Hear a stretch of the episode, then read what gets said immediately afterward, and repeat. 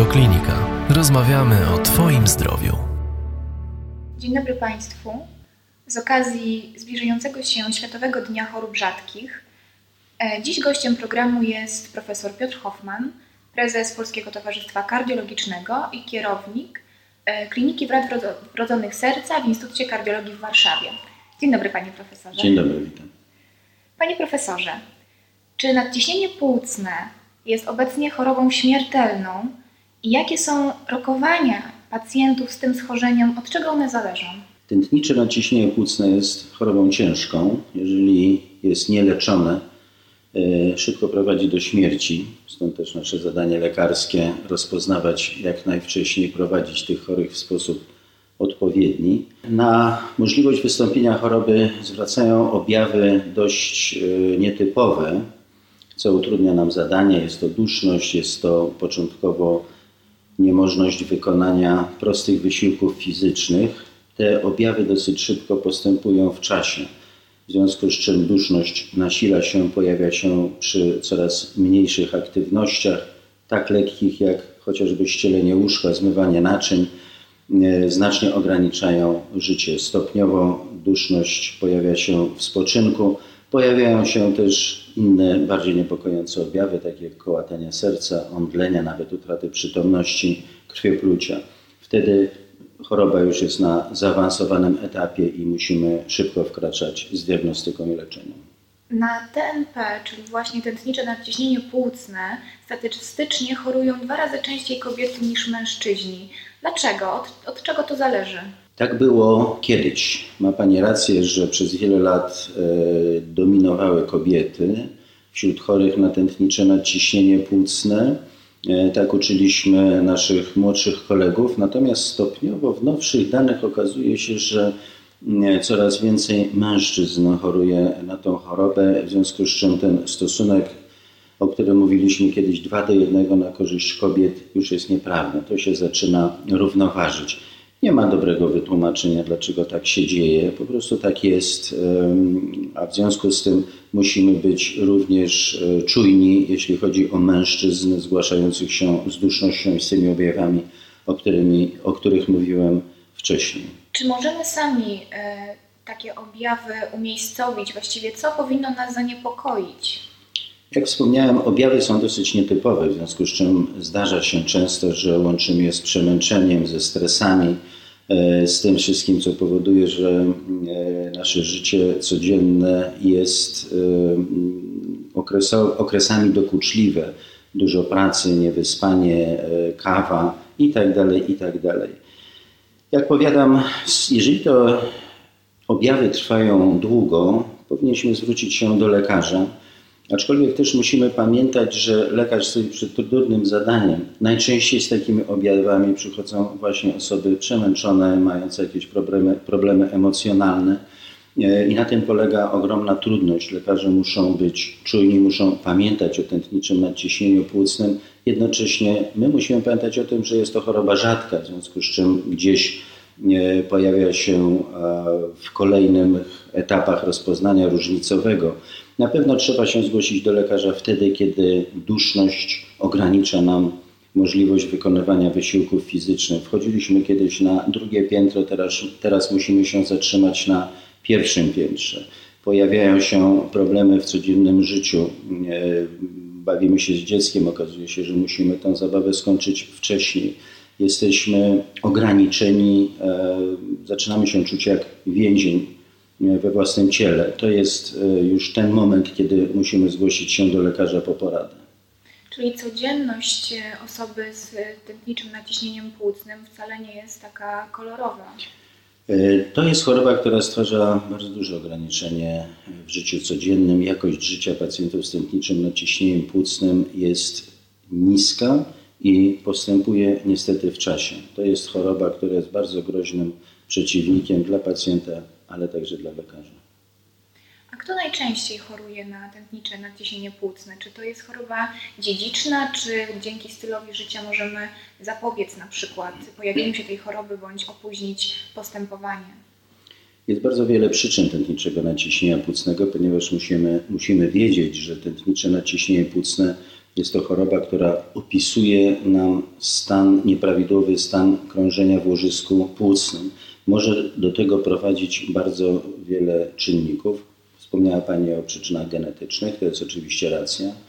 Niektóre leki prowadzą do tętniczego nadciśnienia płucnego. Są to najczęściej leki, które były przepisywane w celu odchudzania. Wiemy o tym, że jest to grupa niebezpieczna.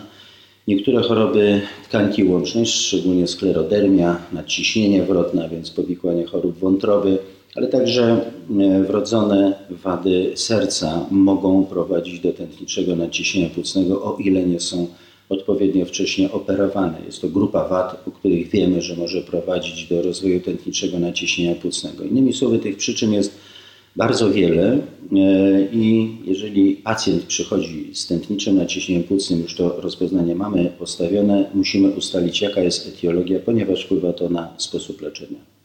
Czy można w takim razie rozumieć, że skoro TNP może mm, wynikać z wrodzonych wad serca, czy mogą na nią zapadać, na tą chorobę również dzieci, małe dzieci? E, mogą. Jest to jeden ze scenariuszy tej choroby, która ma bardzo wiele oblicz e, i dzieci mogą zapadać, ale przede wszystkim jest to choroba, jeżeli wynika z wrodzonej wady serca, stwierdzana u dorosłych. Jeżeli nie leczy się tzw. Tak wad przeciekowych, czyli ubytek w przegrodzie międzykomorowej, międzyprzedsionkowej, przetrwały przewód tętniczy, może dojść do rozwoju tętniczego naciśnienia płucnego. To jest e, bardzo późny objaw choroby. Także jeżeli stwierdzamy ją dorosłego, świadczy to o tym, że spóźniliśmy się z naszym leczeniem. Leczenie chirurgiczne najczęściej zapobiega rozwojowi tętniczego naciśnienia płucnego w tej grupie chorych. A czym jest zespół Eisenmengera? Zespół Eisenmengera jest um, takim rodzajem tętniczego naciśnienia płucnego, który występuje właśnie w wadach, nazywamy je przeciekowych, czyli takich, w których dochodzi do mm, e, mieszania się krwi w sercu, czy to na poziomie przedsionków, czy na poziomie komór, ponieważ w przegrodach jest otwór, który umożliwia mieszanie się krwi.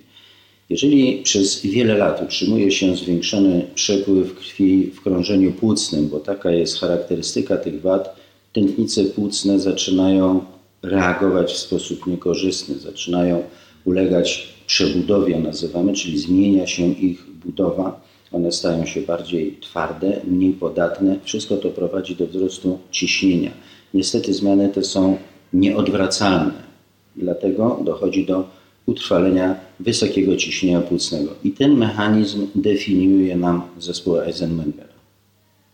Czyli y, można wywnioskować, że na TNP mogą chorować ludzie zarówno w bardzo młodym wieku i jako seniorzy, ponieważ również łączy się to z wadami zastawkowymi serca, na przykład z, z zwężeniem zastawki aortalnej i mitralnej. To jest troszkę inny rodzaj nadciśnienia płucnego, które ma nieco inną etiologię i myślę, że gdybyśmy zaczęli omawiać poszczególne przyczyny nadciśnienia płucnego, wtedy ten wywiad e, zamieniłby się w wykład i trwałby bardzo długo, byłby nużący.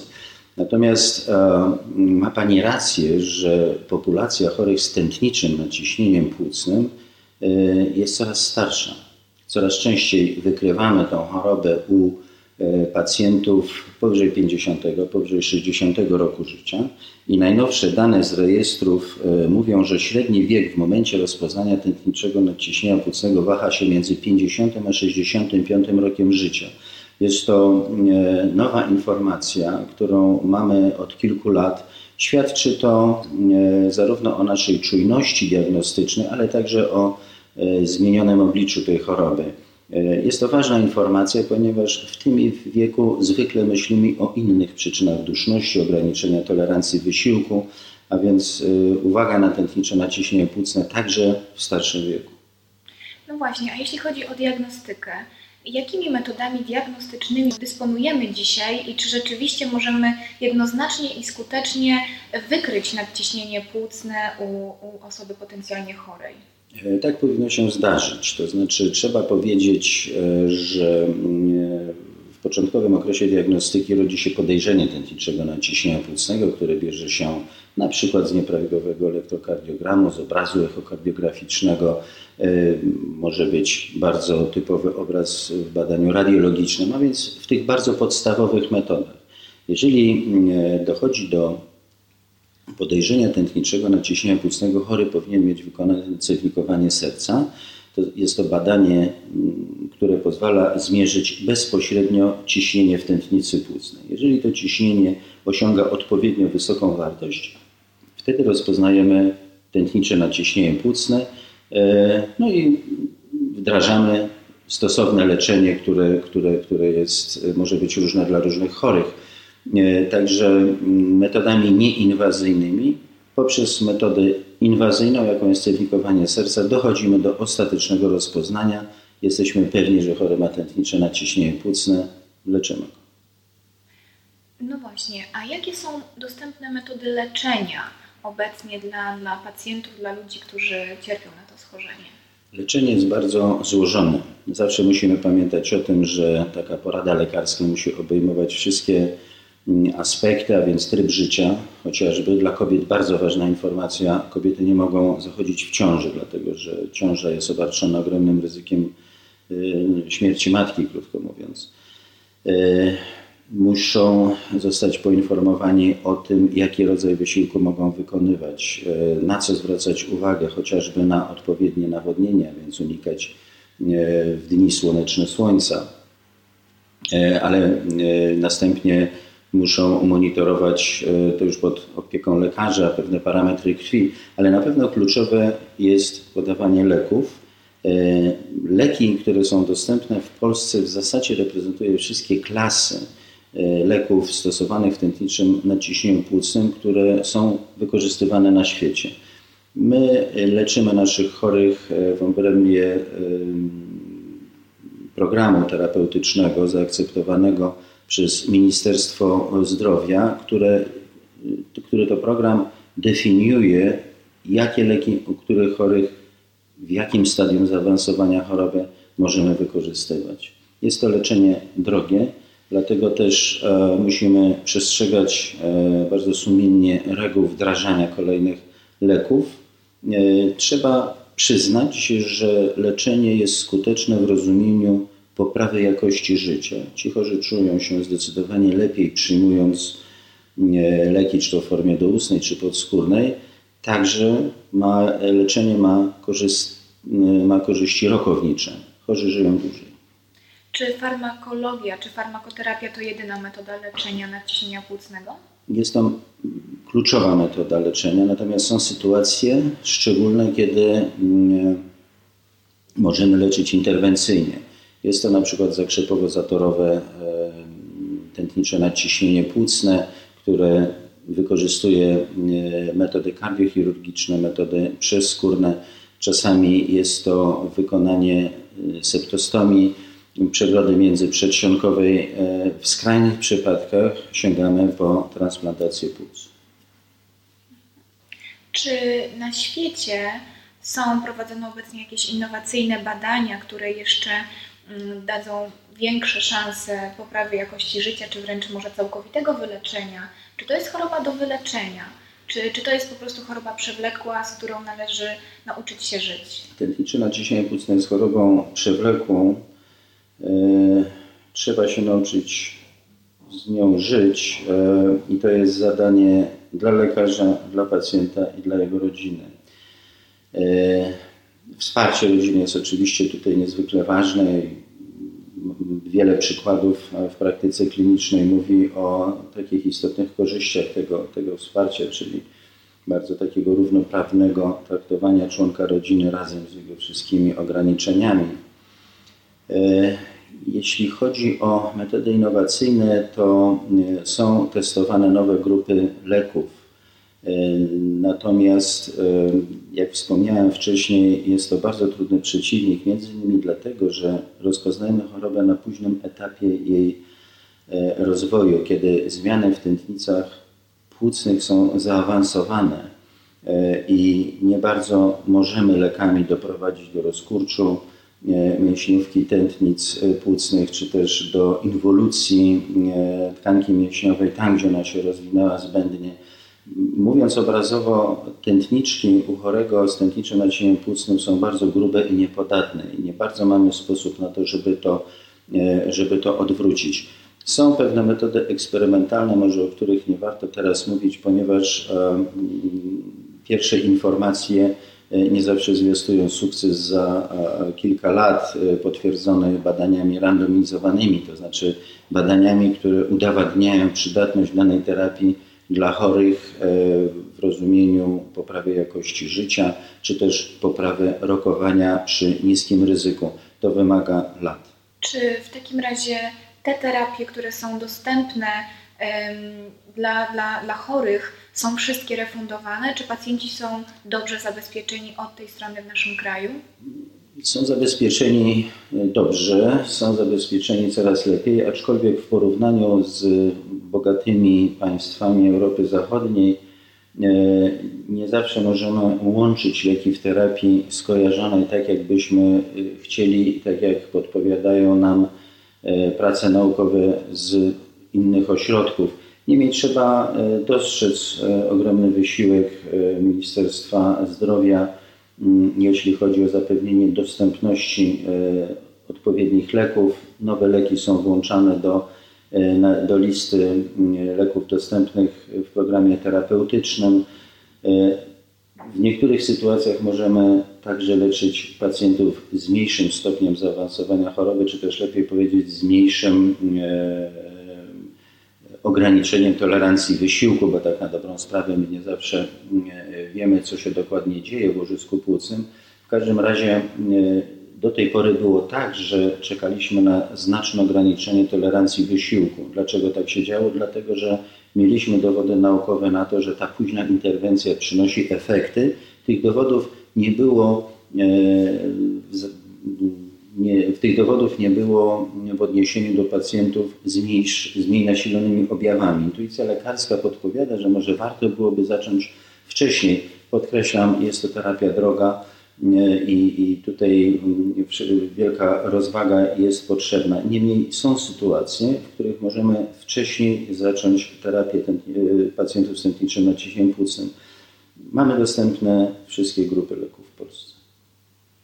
A jaka jest skala problemu? Jest to określane jako choroba rzadka, prawda? Więc ile rocznie, czy w przeliczeniu na milion mieszkańców w Polsce y, choruje osób E, dane, które e, mam i pochodzą od pana profesora Kurzyny, obejmują obserwacje z roku 2015. Mieliśmy wtedy około 750 chorych na stętniczym naciśnieniem płucnym, w tym 113 dzieci. Leczonych w ramach programu terapeutycznego było 631 pacjentów. Chorobowość, czyli ilość pacjentów na milion mieszkańców 24, zapadalność w Polsce 4,6 na milion na rok, śmiertelność 6,3%. Są to liczby, e, które charakteryzują zagrożenie po pierwsze e, tą chorobą, e, znaczne ryzyko, jakie ona ze sobą niesie, ale także jeżeli tych chorych przybywa, to znaczy rozpoznajemy ich coraz więcej. Innymi słowy, świadomość tętnicze, istnienia tętniczego naciśnienia płucnego w środowisku lekarskim jest coraz większa. Także powstają ośrodki, które specjalizują się między innymi w diagnostyce i terapii tętniczego naciśnienia płucnego. Jak wspomniałem, jest to trudne, ponieważ do tętniczego naciśnienia płucnego prowadzi bardzo wiele chorób z różnych dziedzin interne, także tu trzeba rzeczywiście wykazać się taką no, erudycją, erudycją lekarską. Czyli można powiedzieć, że jest to tendencja wzrostowa, czy po prostu mamy coraz lepsze metody diagnostyczne i dlatego przypisujemy właśnie to, to, te objawy czy tego pacjenta do, do tego schorzenia? Prawdopodobnie e, obydwie te rzeczy, dlatego że e, jeżeli prześledzimy tabelę przyczyn tętniczego naciśnienia płucnego, jak wspomniałem, prowadzi do niego szereg przyczyn. Mamy społeczeństwo e, coraz starsze, ludzie żyją dłużej, w związku z czym są narażeni na pewne e, choroby e, w większym stopniu. E, myślę, że, że, że to, że tych pacjentów wykrywamy coraz więcej jest zasługą no, obydwu tych czynników, o których Pani wspomniała. A wspomniał Pan o specjalistycznych ośrodkach, więc gdzie w Polsce pacjenci mogą szukać pomocy? W, gdzie w Polsce zlokalizowane są ośrodki, do których mogą się zgłosić? No nie wymienię wszystkich ośrodków. E, na pewno musimy tutaj wspomnieć o ośrodku krakowskim e, profesora Podolca, Centrum Chorób Rzadkich, oczywiście profesor Torbicki w Otwocku, e, Śląsk, Śląski Uniwersytet Medyczny, Instytut Kardiologii, Klinika Wad Wrodzonych Serca. My zajmujemy się wyłącznie pacjentami, którzy mają wrodzoną wadę serca. Takich pacjentów mamy 50, więc jest to spora grupa chorych. E, następnie Centrum Zdrowia Dziecka, które zajmuje się tętniczym naciśnieniem płucnym u dzieci, ośrodek w Białymstoku, w Olsztynie, Szczecinie. Tych ośrodków jest myślę około 30, tak przynajmniej przypominając sobie tabelę. Wszystkie informacje można znaleźć w internecie. Sądzę, że nie jest ich mało. Krótko mówiąc, jak na 36-milionową populację, to sądzę, że tych ośrodków jest wystarczająco dużo. Należy zadbać, żeby ośrodki były odpowiednio wyposażone. To na pewno. W aparaturę diagnostyczną, żeby były dostępne dla pacjentów. Żeby kolejki były jak najkrótsze, bo tutaj czasu ci pacjenci nie mają. Dziękuję serdecznie Panie Profesorze. Dziękuję również. Gościem Radioklinika z okazji zbliżającego się Światowego Dnia Chorób Rzadkich był Pan Profesor Piotr Hoffman, prezes Polskiego Towarzystwa Kardiologicznego i kierownik Kliniki Wad Wrodzonych Serca e, w Instytucie Kardiologii w Warszawie. Dziękuję uprzejmie. Dziękuję. Więcej audycji na stronie radioklinika.pl